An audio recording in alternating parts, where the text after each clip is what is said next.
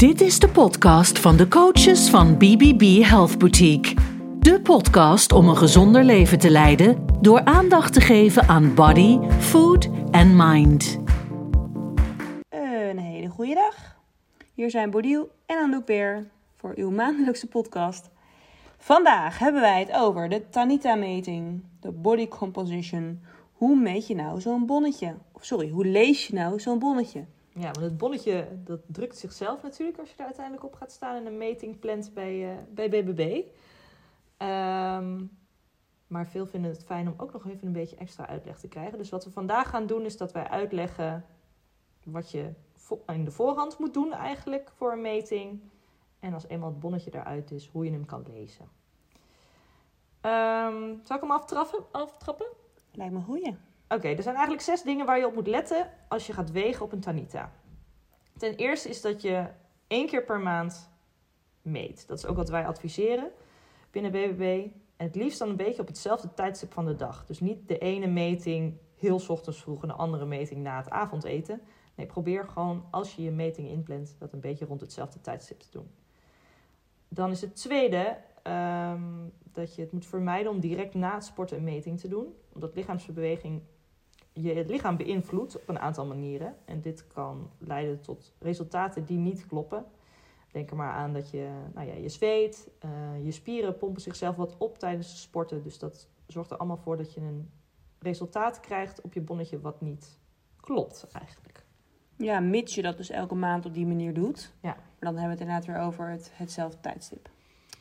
Dan is het derde, meet 2 à 3 uur na een maaltijd. En dit is omdat onverteerd eten en drinken uw gewicht ook een beetje nou ja, kunstmatig kan verhogen. Dit wil je niet, dus hou daar ook een beetje rekening mee. En een grote hoeveelheden cafeïne en alcohol, maar ook als je in je menstruerende fase zit of griep hebt gehad, beïnvloeden je vochthuishouding. Ehm, dus dit heeft ook een negatieve invloed op de nauwkeurigheid van het resultaat van je bonnetje. Dan is nummer 4. Ga altijd op blote voeten op je weegschaal staan. Ehm, dit omdat nou, je krijgt een heel klein schokje door je lijf. Van dat schokje voel je niks. Maar ehm, dit schokje heeft direct huidcontact nodig. Dus op sokken erop staan heeft geen zin. Alleen maar dat hij je gewicht meet. Maar de rest meet hij dan niet. En bij voorkeur met liefst zo min mogelijk kleding. En eh, wat nog wel helemaal tegenwoordig belangrijk is, dat je je telefoon niet in je zak hebt, maar ook niet je smartwatch om. Omdat dan het elektrische schokje niet nauwkeurig door je lijf heen gaat. Dus alle apparaten even af. Ehm, en als laatste is het belangrijk dat je volledig stilstaat. Zodat ik nauwkeurig eigenlijk kan meten. En het eh, kleine elektrische stroompje door je lijf kan brengen. Ja, Dat is deel 1 eigenlijk. part one. Hey, en dan ehm, willen we eigenlijk gewoon door zo'n bonnetje heen gaan, hè Anouk? Ja, dus het is handig na deze podcast dat je gewoon het bonnetje wat je geprint hebt, hou je ernaast. En wij leggen uit wat erop staat. Precies. To start with, de input. Ehm, nou ja, je hebt natuurlijk eh, standaard of athletic op, de, op, het apparaat staan. Nou, meestal typen we dan eigenlijk inderdaad standaard in, mits je inderdaad eh, minimaal vijf keer per week sport. Intensief. En een topsportcarrière hebt, maar Precies, maar dat is inderdaad bij de leden van BHB eh, vaak wat meer recreatieve kant. Gender, nou ja, logisch man of vrouw. En alles wat er tussenin zit, ja, dan eh, wordt het toch eh, een ander verhaal. dan doen we het in overleg. Dan precies. Age, uiteraard, lengte en clothes gewicht. Hoe meer kleding je aan hebt, hoe hoger het gewicht zou zijn. Ehm, ga er maar vaak uit, van uit dat als je net een sport BH en een sportbroek aan hebt, 0,5 kilo. Om dan in te voeren. Dat wordt namelijk weer van je gewicht afgetrokken. Van je eigen lichaamsgewicht. Dan bij de resultaten. Nou, er staat natuurlijk het lichaamsgewicht als eerste. In kilogrammen. In, heel nauwkeurig in kilogrammen. Eh, ja, willen we daar nog iets over vertellen? Ik denk dat dat vrij duidelijk is. Nou, ik wil er nog wel een kort dingetje over zeggen. Vaak is dat het enige waarop gefocust wordt. Ik merk dat het, de aandacht gaat een beetje van het BMI af. Er wordt nu vaak alleen maar ja, maar ik woog dit een aantal jaar geleden. Terwijl er dan eigenlijk totaal geen beeld is van hoe de lichaamssamenstelling is. En daarom doen wij ook deze metingen, zodat er duidelijk wordt dit is hoe je lichaam is samengesteld. En dat kan zijn dat hij heel gezond is in het gewicht waar je nu in zit. Of dat de samenstelling moet veranderen. Precies, dus inderdaad, hè, als je inderdaad op een normale huistuin- en keukenweegschaal wilt staan, dat bedoel je Anouk, dan heb je Ja. inderdaad dat je dan bijvoorbeeld bent aangekomen. Bijvoorbeeld, of bent afgevallen, wat je inderdaad misschien helemaal niet wil. Maar als je dan op de weegschaal, op een Tanita-weegschaal wilt staan, dan zie je natuurlijk de compositie van vetmassa, spiermassa en de percentages daarvan. Vocht bijvoorbeeld. Ja, Ja, ook je belangrijk. heel veel aflezen. Nou, dan komen we ook gelijk op het tweede puntje, hè? vetpercentage. Ehm, ja, het werkelijk gewicht aan vet in je lijf. Dus dat hebben we het over het, het, ja, totale vetpercentage in je lichaam. Ja, wat kan ik erover zeggen? En ja, natuurlijk wel een te hoog vetpercentage. Hè? Dat, ik denk dat we dat allemaal wel een beetje weten inmiddels. Kan leiden tot welvaartsziektes zoals diabetes type 2 of obesitas. Eh, terwijl een laag vetpercentage kan leiden tot osteoporose, onregelmatige eh, menstruatie en het verliezen van botmassa. Weet altijd dat bij vrouwen in ieder geval een vetpercentage wordt gehanteerd tussen de 21 en de 32,9. Dit, verschilt dit kan natuurlijk wel een beetje verschuiven naarmate je ouder wordt. Hoe ouder wij worden, hoe meer we aan het vervetten zijn tussen aanhalingstekens. Dit klinkt een beetje ehm, misschien eh, respectloos, maar het is eigenlijk een beetje hoe, het, hoe, hoe we werken, hoe onze evolutie dit heeft zo heeft bepaald.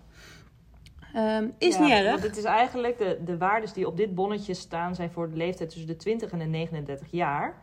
Maar eh, ben je tussen de 40 en de 59, dan is het tussen de 23 en de 34 procent. Dus dan liggen de waardes liggen al wat hoger. En ben je tussen de 60 en de 79 jaar oud, dan ligt die zelfs tussen de 24 en de 36,5. Tadam. Dus schrijf mee. Dus ze schrijft zeker mee. Ja, dus dat is, eh, of spoel net even terug. Dus weet dat dat ook wat verschuift. Ehm, dat komt dus niet altijd op het bonnetje te staan. Maar goed, dan weten jullie dat. hey, en eh, vetpercentage. Nou ja, goed, wat ik dus net ook al zei, hè, maar met betrekking tot de gezondheidsklachten. ehm, is het inderdaad belangrijk dat je dus niet te hoog komt in je vetpercentage. Ook omdat je dan helemaal daaronder ziet, physical rating. Dus dan kan je ook vrij snel in dat obesitas stukje komen. Dus houd het altijd een beetje in de gaten of jij nog een beetje tussen de range zit. Ja, Dan- er zit natuurlijk ook best wel een duidelijk verschil tussen het vetpercentage. Want dat is gewoon het percentage van jouw complete lichaamsgewicht wat bestaat uit vet. Maar daaronder staat vetmassa. Ja. En dat is eigenlijk waar je nog duidelijker naar kan kijken. Of je echt ziet of je in kilo's of in grammen vet kwijtraakt. Door te bewegen of door anders te gaan eten. Ja, en dat staat dan ook inderdaad in het vakje dan onder de results. Staan dan ook inderdaad het vetpercentage range en het vet, vetmassa range. En het vetmassa range is dan tussen de 11,8 en 21,8 kilo. Eh, Voor jou. En bij mij is hij dus alweer anders. Oh. Omdat ik langer ben. Ja, dat is leuk. Ja, daar houdt hij dus rekening mee. Nou, ik ben dus 1,71 meter en Anouk is 1,78 meter. Ja. En bij jou staat hij op 13,3 en op 24,5. Ja. Dus Dat is tussen die inderdaad dus weer is een- gezond. Discutabele range. Dan heb je nog een FFM op je bonnetje. Dat is je vetvrije massa, fat-free mass. Dus het is alle massa in je lijf die geen vet bevat. Potmassa, muscle mass. Organen, alles. Botten, Ja. vocht, ja, Vocht inderdaad al het, ook, ja. al het overige eigenlijk. Tandjes. Tandjes. Dan gaan we naar de volgende. Spiermassa. Ja. Ehm, spiermassa omvat de skeletspieren, de gladde spieren, zoals hartspieren, maar ook spijsverteringsspieren en het water in je spieren. En deze spieren fungeren eigenlijk als, als de motor in je energiegebruik.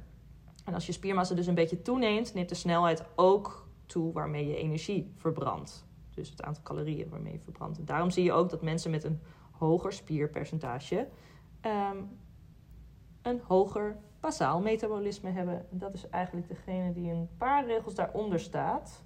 Maar daar gaan we straks even op terugkomen. Ehm, belangrijk is bij ouderen, en juist wordt dat bij ouderen vaak genoemd. Dus als je wat ouder wordt, is het belangrijk om wat extra spieren op te bouwen, omdat het ervoor zorgt dat je je mobiliteit behoudt. Maar ook dat het je ondersteunt in de gewrichten en eh, in het behouden van een goed gewicht, eh, evenwicht eigenlijk. Ja. Om de balans te kunnen houden. Ja, wat we dus net ook al zeiden, hè, is hoe ouder we worden, hoe meer we vervetten eigenlijk. Dus hoe meer spiervet wordt. Dus daarom is het extra belangrijk, ook vooral voor vrouwen rond de 50 en of hoger, uh, om inderdaad zo'n krachttraining blijven doen. Om inderdaad die spieren te behouden. Daarbij komt natuurlijk ook de botjes, is ook erg belangrijk. Daar komen we zo meteen op ook. Uh, waarom inderdaad krachttraining en sowieso beweging en training zo belangrijk is voor vooral vrouwen na en rondom de overgang. Zeker. Volgende op het bonnetje. TBW. Ja, dat is een leuke. Totaal. Wat is eigenlijk de afkorting ook alweer? Ik weet het niet. Totaal Body Water. Gok ik zo. Total Body Water. Ja. Anyhow, het uh, geeft ons uh, lichaamswater aan. Nou, wat je hier eigenlijk in kan zien hè, is het uh, gezond vochtpercentage. Voor vrouwen ligt tussen de 45 en de 60 procent. Voor mannen is het wat hoger, dus tussen de 50 en de 65 procent. Um, ja, weet dat het natuurlijk belangrijk is om een goed vochtpercentage in je lijf te hebben. Nou, zoals je al ziet is het al vanaf 50 procent. Um, dat we eigenlijk inderdaad vocht in ons lijf hebben. Elke cel bijna bevat vocht. Um, weet ook dat een alcohol, overmatige alcoholconsumptie, dus als jij een avondje hebt gezopen, dan is de dag daarna je vocht ja, percentage natuurlijk wat lager. Want dat geeft natuurlijk uitdroging. Maar ook griep of menstruatie hebben daar invloed op. Bijvoorbeeld als jij je laatste week en of in je eerste week van je menstruatie zit, kan het zijn dat je wat meer vocht vasthoudt. Dit heeft allemaal invloed op, uh, op ons lijf. En, en dus ook op de meting. ook op een natuurlijke manier verliezen door gewoon te plassen, door urine. Ja, maar zeker. ook zweet, door ademhaling. En hou je dat dus niet gehydrateerd, dan, dan kan het dus zijn dat jij um, te weinig vocht in je lijf hebt. Ja, en weet ook dat natuurlijk ook in de warmte, hè, uh, we sporten natuurlijk bij BB veelal in warmtecabines. Ja. Dat je daardoor ook inderdaad best wel wat vocht kan verliezen. Dus drink het ook altijd goed bij. Maar ook wat mineralen, die zweet je natuurlijk ook uit. Dus denk bijvoorbeeld aan zouten, magnesium. Uh, dat zijn inderdaad mineralen die je makkelijk kan uitzweten als je in de cabine ligt. Dus probeer dat ook altijd dan uh, goed aan te vullen. En het klinkt misschien logisch, maar met 45% tot 60%, dat is dus echt de helft van je lichaamssamenstelling bestaat uit water. En daar zijn we ons vaak helemaal niet bewust van. Dus daarom wordt er ook altijd gezegd: drink voldoende. Ja. Hydrateer jezelf voor je huid, voor je darmen. Nou ja, bijna voor elk, elk onderdeel dat wij al in podcast hebben besproken. Ja, ja zeker. Hebben wij het wel een klein momentje gehad over het vocht. Ja, ja, en daarop aanhangend, hè, wacht inderdaad ook nooit totdat je dorst krijgt. Want dat is eigenlijk al dat je bijna te laat bent. En in de nacht, dat is ook wel leuk om te weten, denk ik, dan droog je ook uit. Want je, want je drinkt natuurlijk ongeveer 8 uur niet. Dus dan zijn je hersenen ook lekker uitgedroogd. Alles is gewoon lekker uitgedroogd. En eigenlijk moet je dan beginnen met een groot glas, het liefst een beetje lauw water, of twee. Uh, ja, hierdoor worden eigenlijk alle afvalstoffen en gifstoffen uit het lichaam gespoeld. En het is inderdaad dat je op die manier weer je vochtbalans kan uh, bijwerken, zo ochtends. Dus dan ben je er gelijk uh, up and running. Terwijl als je alleen een kopje koffie drinkt of inderdaad helemaal niks drinkt voordat je de deur uitgaat, dan kan het vochtbalans een beetje achter je aan blijven rollen de rest van de dag. Dus probeer daar inderdaad ochtends al gelijk uh, dat te ondermijnen. En inderdaad vers fruit en rauw zit het ook veel in. Maar inderdaad vocht, gewoon water, thee drinken is eigenlijk ook al de basis. Zeker. Erg belangrijk. Dan gaan we naar de volgende. Dat is je botmassa. En dit vind ik altijd een leuk onderwerp. Want soms, soms hoor je wel mensen zeggen... Ja, maar ik heb zware botten. Nee. Nou ja, eigenlijk bij wie we ook op de weegschaal zien staan... ligt het altijd een beetje rond de 2,5, 3 kilo. Ja. Weet je, we hebben niet mega lange vrouwen. Nee. Nee, en, nee precies. En, en, de lengte. En tot je dertigste, hè? Dat is natuurlijk ook zo leuk. Tot je dertigste bouw je het eigenlijk op. Je botten bedoel je? Ja, oh sorry, ja. ja. wat bouw je op? Um, wat, wat bouw je eigenlijk op? Nee, dan bouw je inderdaad je botten op. En na je dertigste, dus Anouk had nog één jaar, hadden we al uh, besproken. dan uh, zal je botmassa weer langzaam afnemen. Dus weet ook, dus dat benoemen we het ook al eventjes, hè, die spiermassa is natuurlijk heel erg belangrijk om te behouden naarmate je ouder wordt. Maar je botmassa natuurlijk net zo. Want op hoeveel zit hij bij jou, Bo? Bij mij zit hij op 2,3 kilo. Ja, en bij mij op 2,5 kilo. Nou ja, ja Bo en ik verschillen 7 centimeter in lengte. Maar eigenlijk ligt het altijd een beetje gemiddeld rond dat getal. Ja, ja. ja. ja, het is natuurlijk een stukje genen, hè. Dus eigenlijk zouden we kunnen zeggen dat Anouk hier zware botten heeft. Maar ja, Anouk is hier vrij uh, lean en uh, musculair. Dus ik denk niet dat dat het geval is. Hey, ehm, hey, die botten, daar hadden we het even over. Wat kan je nou doen om die botten zo sterk mogelijk te houden? Er zijn gelukkig genoeg ehm, ja, mogelijkheden toe.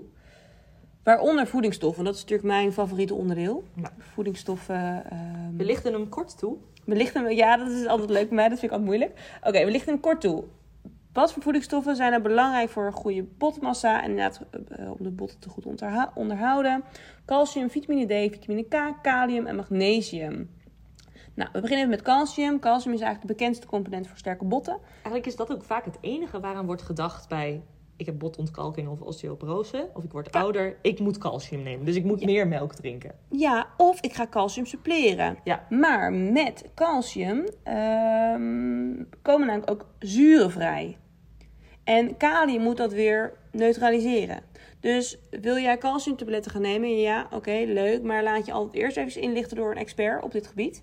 Of eh, ja, als je inderdaad echt een tekort hebt aangetoond middels een bloedtest of wat dan ook, dan is dat prima. Maar ga niet zomaar Lucra calcium bijslikken, want dat lijkt me nog een beetje vooruitstrevend. En helemaal niet zo heel moeilijk hè, om het uit voeding te halen. Nee, want eh, ze zeggen wat jij net ook al zei, hè, zuivel. Maar dat, ont- ja, daar zijn we het eigenlijk niet heel erg mee eens om het alleen maar uit zuivel te halen.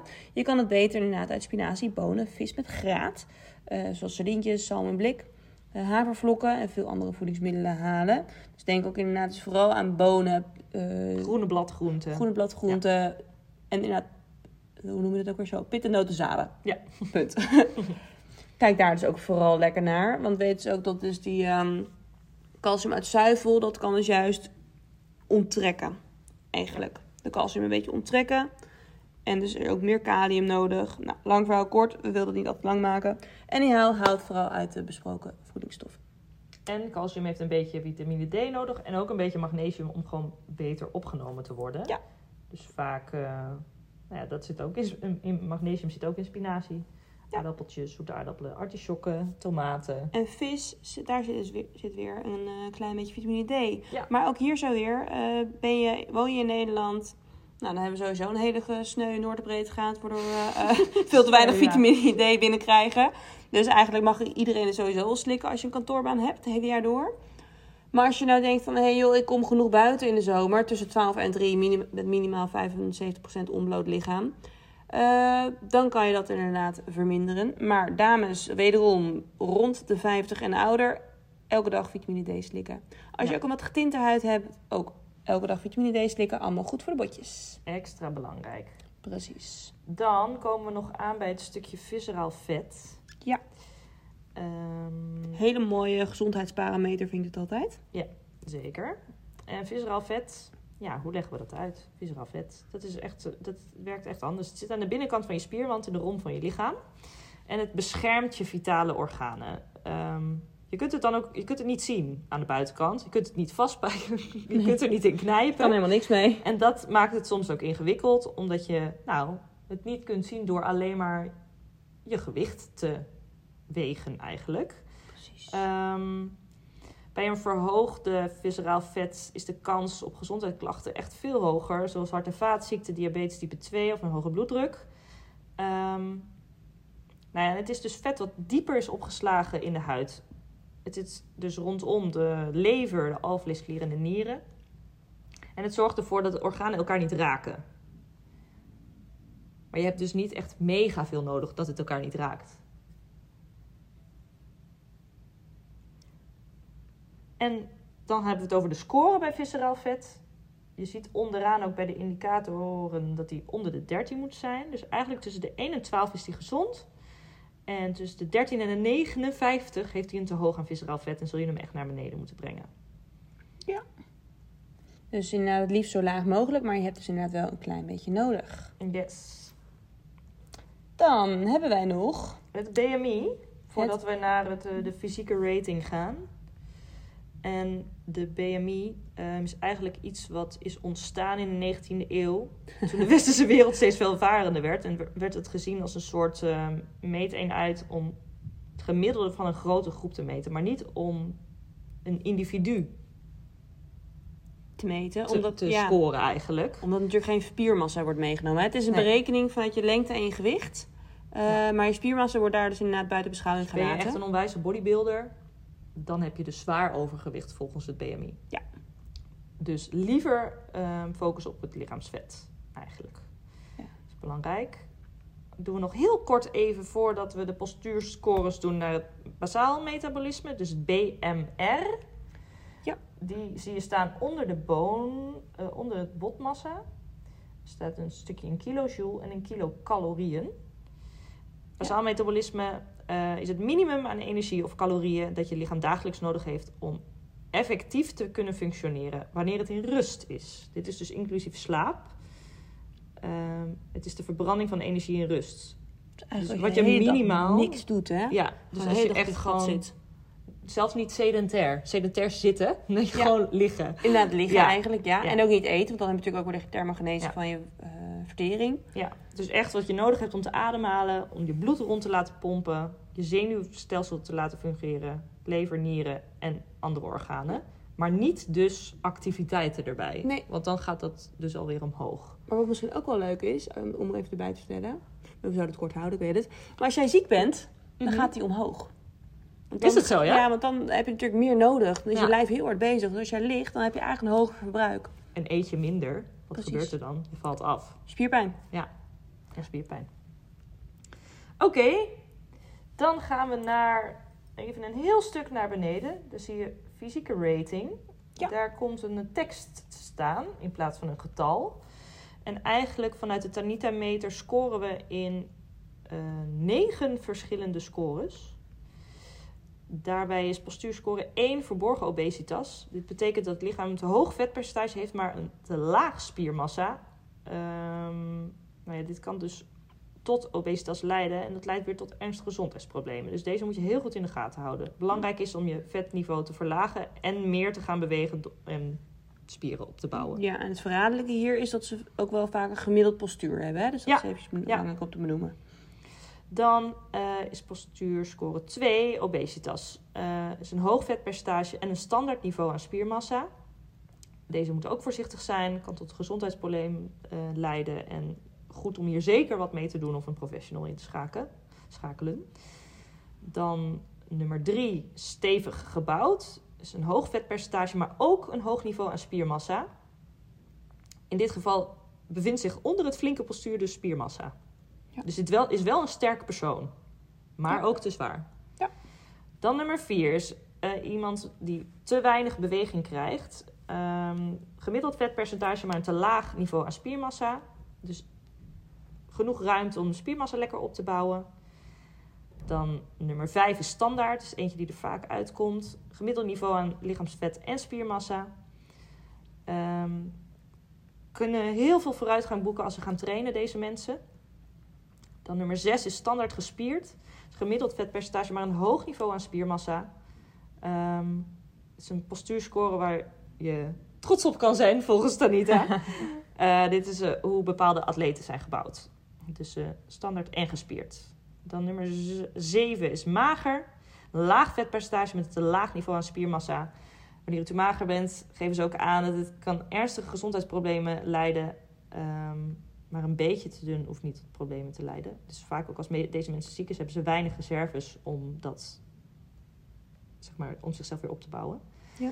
Dan nummer 8, mager en gespierd. Laag vetpercentage, maar eh, standaard niveau aan spiermassa. Bikini-lichaam wordt dit ook wel genoemd. En als laatste, de zeer gespierde mensen hebben een laag vetpercentage, maar een heel hoog niveau aan spiermassa. En dit is dus eigenlijk alles wat je moet weten voor Tanita Bonnetje. Ja. Wil je nog even terugspoelen, dan spoel je even terug. dat je denkt, deze heb ik nog niet helemaal scherp. Maar eigenlijk is dit alles wat je moet weten. En wil je extra weten, dan vraag je lekker een van de coaches bij BBB. What is it? Ja, Ja. wat is het? En ehm, We lichten het graag nog een keertje toe, uiteraard. zeker. En plan hem gewoon weer lekker één keer in de maand in. Ja. Voor wat duidelijkheid. En dat was hem weer voor vandaag, eh, denk ik dan. Yes! Dames, succes! En tot de volgende!